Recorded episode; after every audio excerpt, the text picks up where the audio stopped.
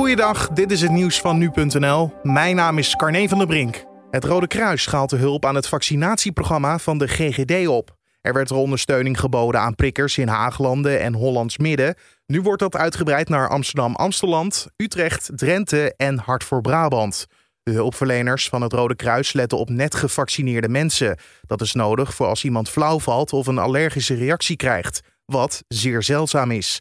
Sinds vorige week is het inenten met het Pfizer-vaccin van start gegaan in ziekenhuizen en op sommige GGD-locaties. Deze week volgen er meer GGD-locaties. In totaal staan er al 400 hulpverleners klaar om bij te staan in de regio's. Het Rode Kruis is nog in gesprek over hulp in acht andere regio's. Het vliegtuig dat dit weekend bij de Indonesische kust is verdwenen, brak mogelijk in stukken nadat het toestel het water raakte. Dat zeggen lokale autoriteiten op basis van hoe tot nu toe de gevonden wrakstukken verspreid waren. Zondag vonden de autoriteiten de zwarte dozen van de neergestorte Boeing 737-500 nadat eerder die dag lichaamsdelen en persoonlijke bezittingen werden ontdekt in zee.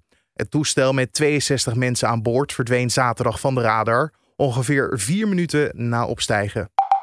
Barbecue-restaurant De Kiet in Eindhoven heeft ondanks de lockdown de deuren toch geopend. Mensen hebben zondag binnengegeten, zo blijkt uit foto's die Omroep Brabant heeft gemaakt.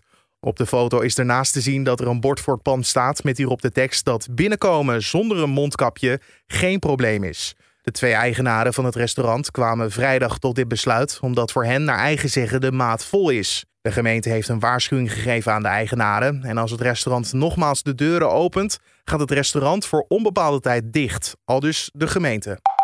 Nederlandse criminelen wassen steeds vaker illegaal verdiend geld wit in Afrikaanse landen zoals Oeganda en Kenia. Ze kopen daar bijvoorbeeld grondstoffen als diamanten en goud met contant geld om deze te exporteren en te verkopen. Dat vertelt scheidend directeur Bert Langerak van de FIOD in een interview met het AD. Afrika is rijk aan dure grondstoffen, dat ervoor zorgt dat het een opkomend continent is om misdaadgeld wit te wassen.